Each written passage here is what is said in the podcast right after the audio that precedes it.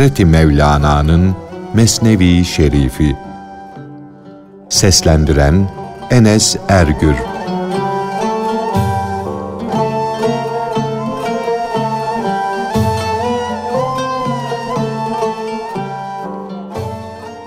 Nefsi mutmainnenin saflığı ve temizliği bir takım düşüncelerle bulanır. Nitekim aynanın üzerine bir yazı yazsan yahut nakış yapsan da sonra silsen, temizlesen o yazının veya nakışın aynanın yüzünde eseri kalır.''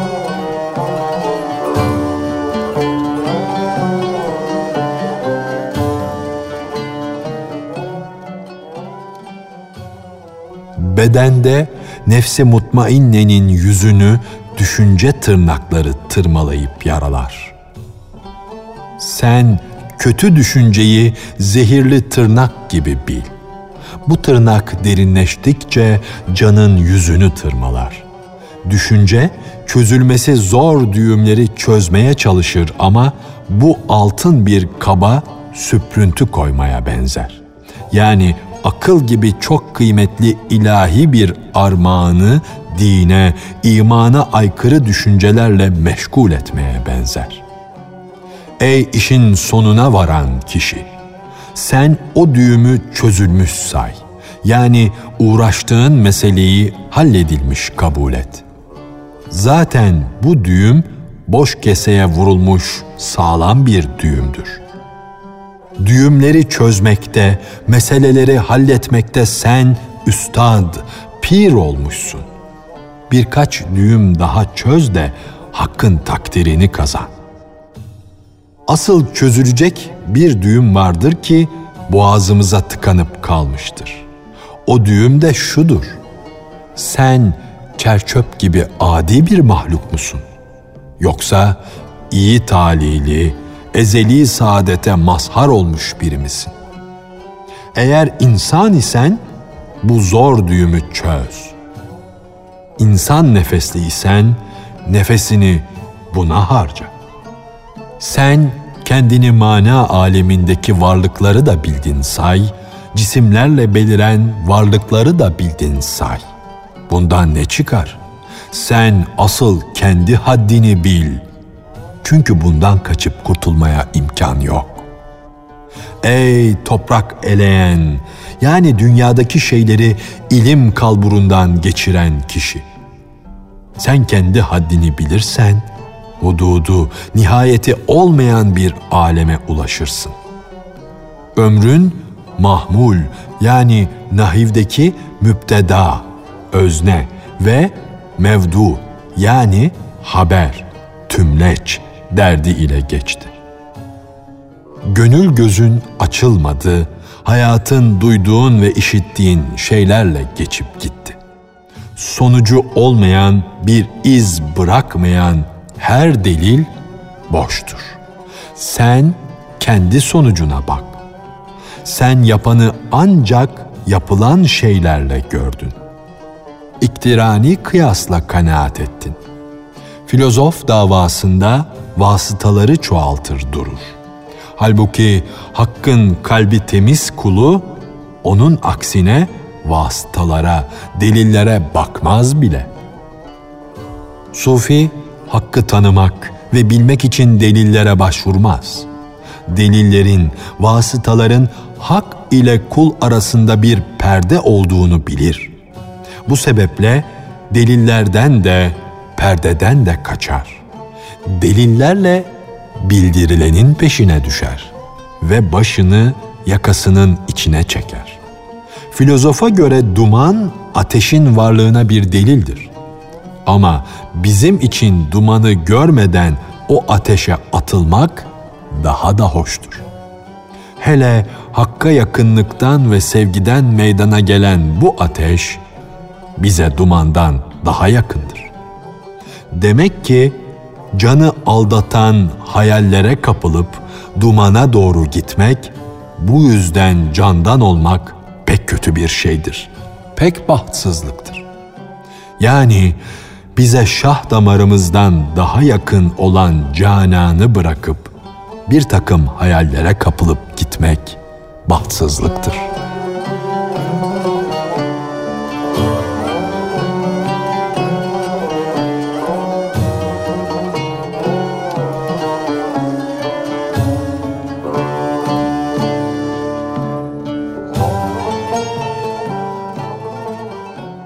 Allah sabrediniz diye buyurdu.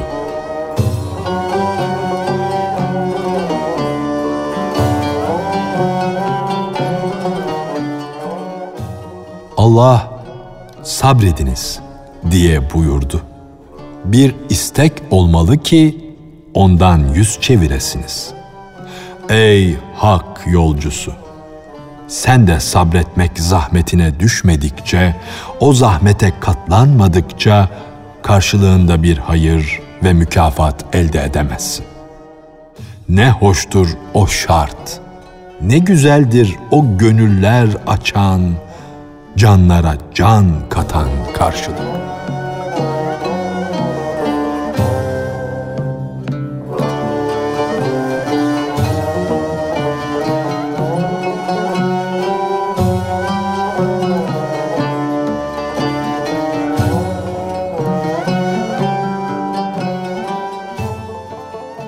Hak aşığının ibadetinin, amelinin, iyiliklerinin sevabı, karşılığı hak tarafından verilir. Bu da hakkın kendisidir. Canlara can katan karşılık.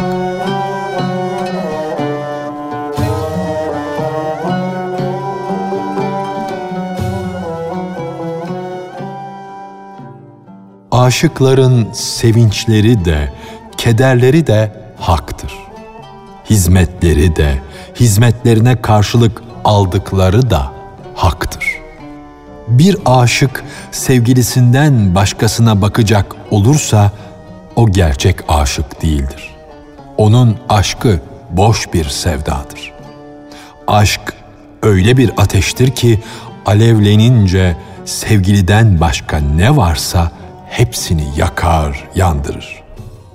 La kılıcı aşkı haktan gayrısını keser, siler süpürür. Bir bak da gör, la, yok, dan sonra ne kaldı? Ancak illallah, Allah kaldı. Hepsi de gitti, yok oldu.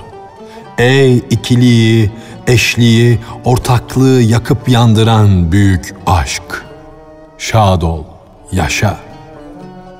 Hakikatte önce gelenler de sonra gelenler de onun yarattıkları olmak bakımından hep o idi.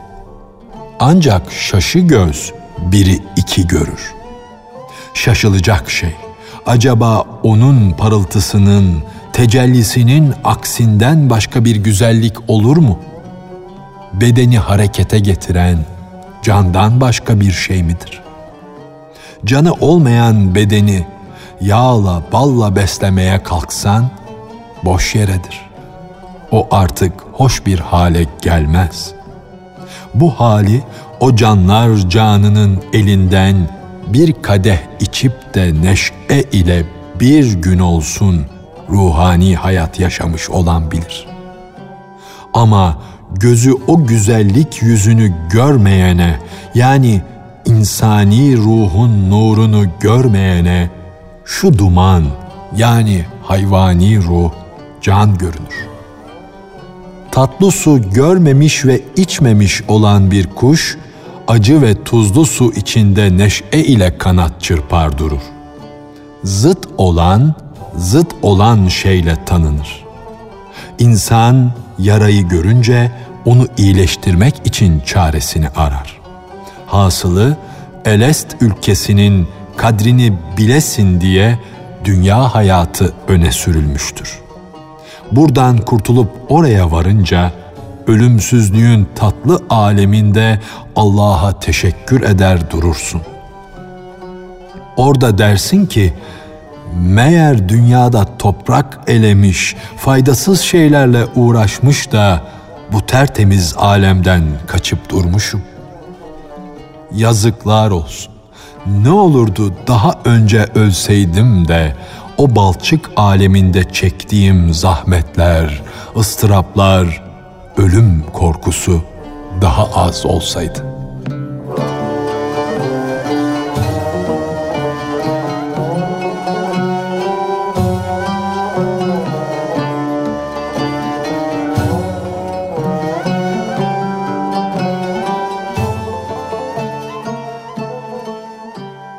Ölümünü ölmeden önce isteyen iyi kişi ise iyiliğe ulaşmaya acele eder. Kötü kişi ise kötülüğünün daha da az olmasını diler.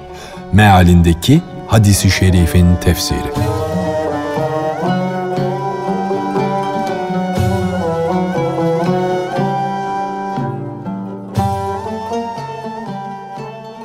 Bu yüzdendir ki her şeyi bilen Peygamber Efendimiz her kim ölür de ruhu bedenini bırakıp giderse bu ölüme, bu göçüşe hayıflanmaz, hayırlı işleri az yaptığına, çok günah işlediğine ve ömrünü boş yere harcadığına üzülür durur. Ölen keşke der. Bundan önce ölseydim de kurtulsaydım. Eğer o kötü kişi ise kötülüğüm daha az olurdu. İyi kişi ise evime, yurduma bir an önce kavuşmuş olurdum der dururdu. Ölen o kötü kişi der ki, haberim yokmuş. Meğer ben gafilmişim. Her an günaha girerek Allah'ımla arama perde üstüne perde geliyormuşum. Eğer bundan daha evvel dünyadan geçip ahirete gitseydim, günahlarım az olacağı için perdelerim de az olurdu.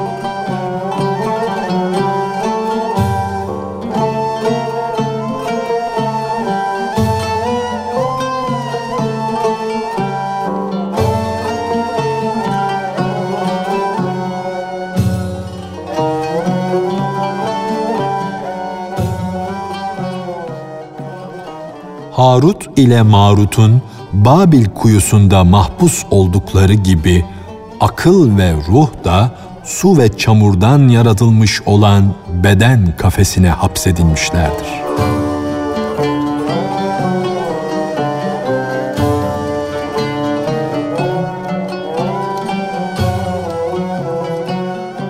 Harut ile Marut gibi olan iki temiz melek, akıl ile ruh şu dünyada korkunç bir kuyuda bağlanıp hapsedilmişlerdir.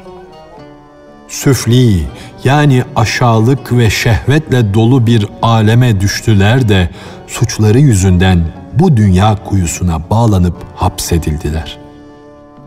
Büyüyü de, büyüyü bozan şeyi de iyiler, kötüler bu iki melekten öğrenirler. Ama onlar önce kendilerine başvuran kişiye öğüt verirler. Bizden büyü öğrenme, bu sevdadan vazgeç derler. Ey filan, biz bu büyüyü seni belaya uğratmak ve imtihan etmek için öğretiriz diye öğüt verirler. Yani bunu öğrenenler fitneye düşecekler ve belaya uğrayacaklardır derler. İmtihan edilmek için insanın ihtiyarı yani yapma gücü elinde olmalıdır. Şart budur. Güç elde olmadıkça dilediğini yapmak mümkün olmaz. İstekler uyumuş köpeklere benzer. Onlarda hayırlar, şerler gizlidir. Güçleri ellerinde olmadığından bunlar odunlar gibi yerlere yatmışlar, susup uyumuşlardır. Fakat ortaya bir leş atılınca sanki köpeklere hırs suru üflenmiş olur. Sokakta bir eşek öldü mü uyumuş yüzlerce köpek uyanır.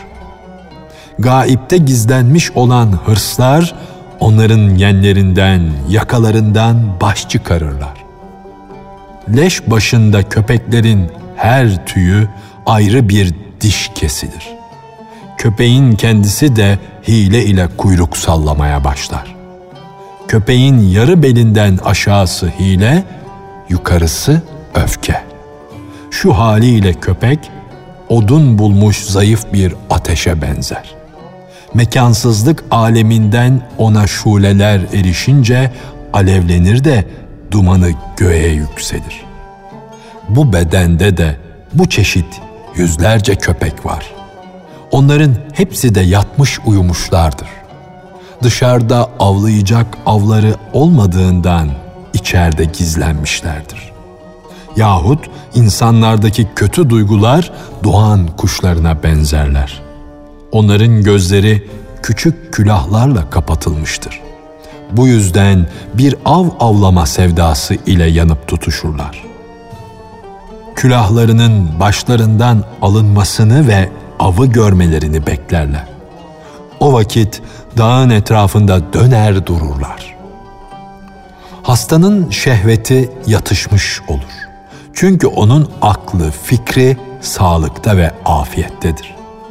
Ama hasta ekmeği, elmayı, kavunu, karpuzu görünce onları yeme arzusu ile midesine dokunma korkusu savaşa girişir.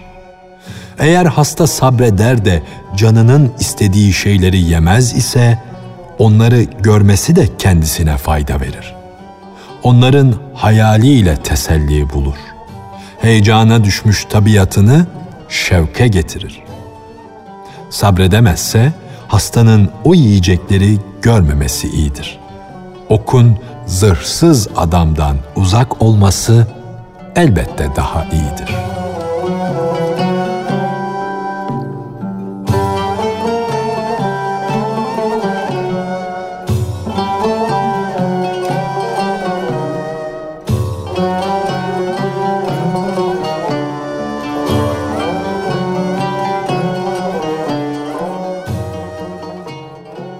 Kendi kusurlarını, noksanlarını görmek elbette iyi bir şeydir.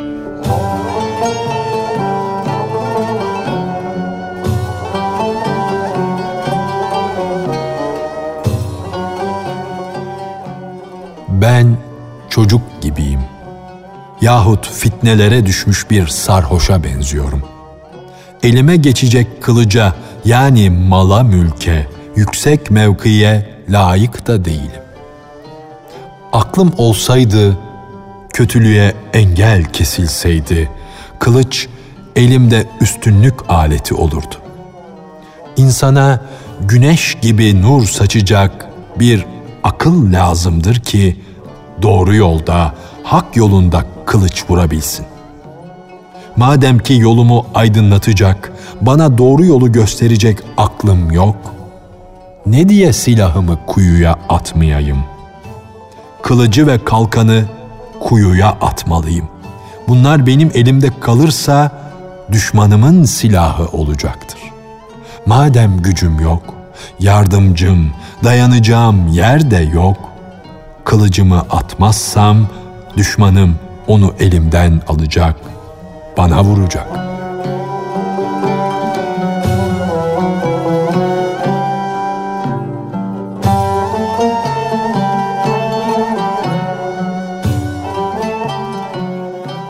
Hazreti Mevlana'nın Mesnevi Şerifi. Seslendiren Enes Ergür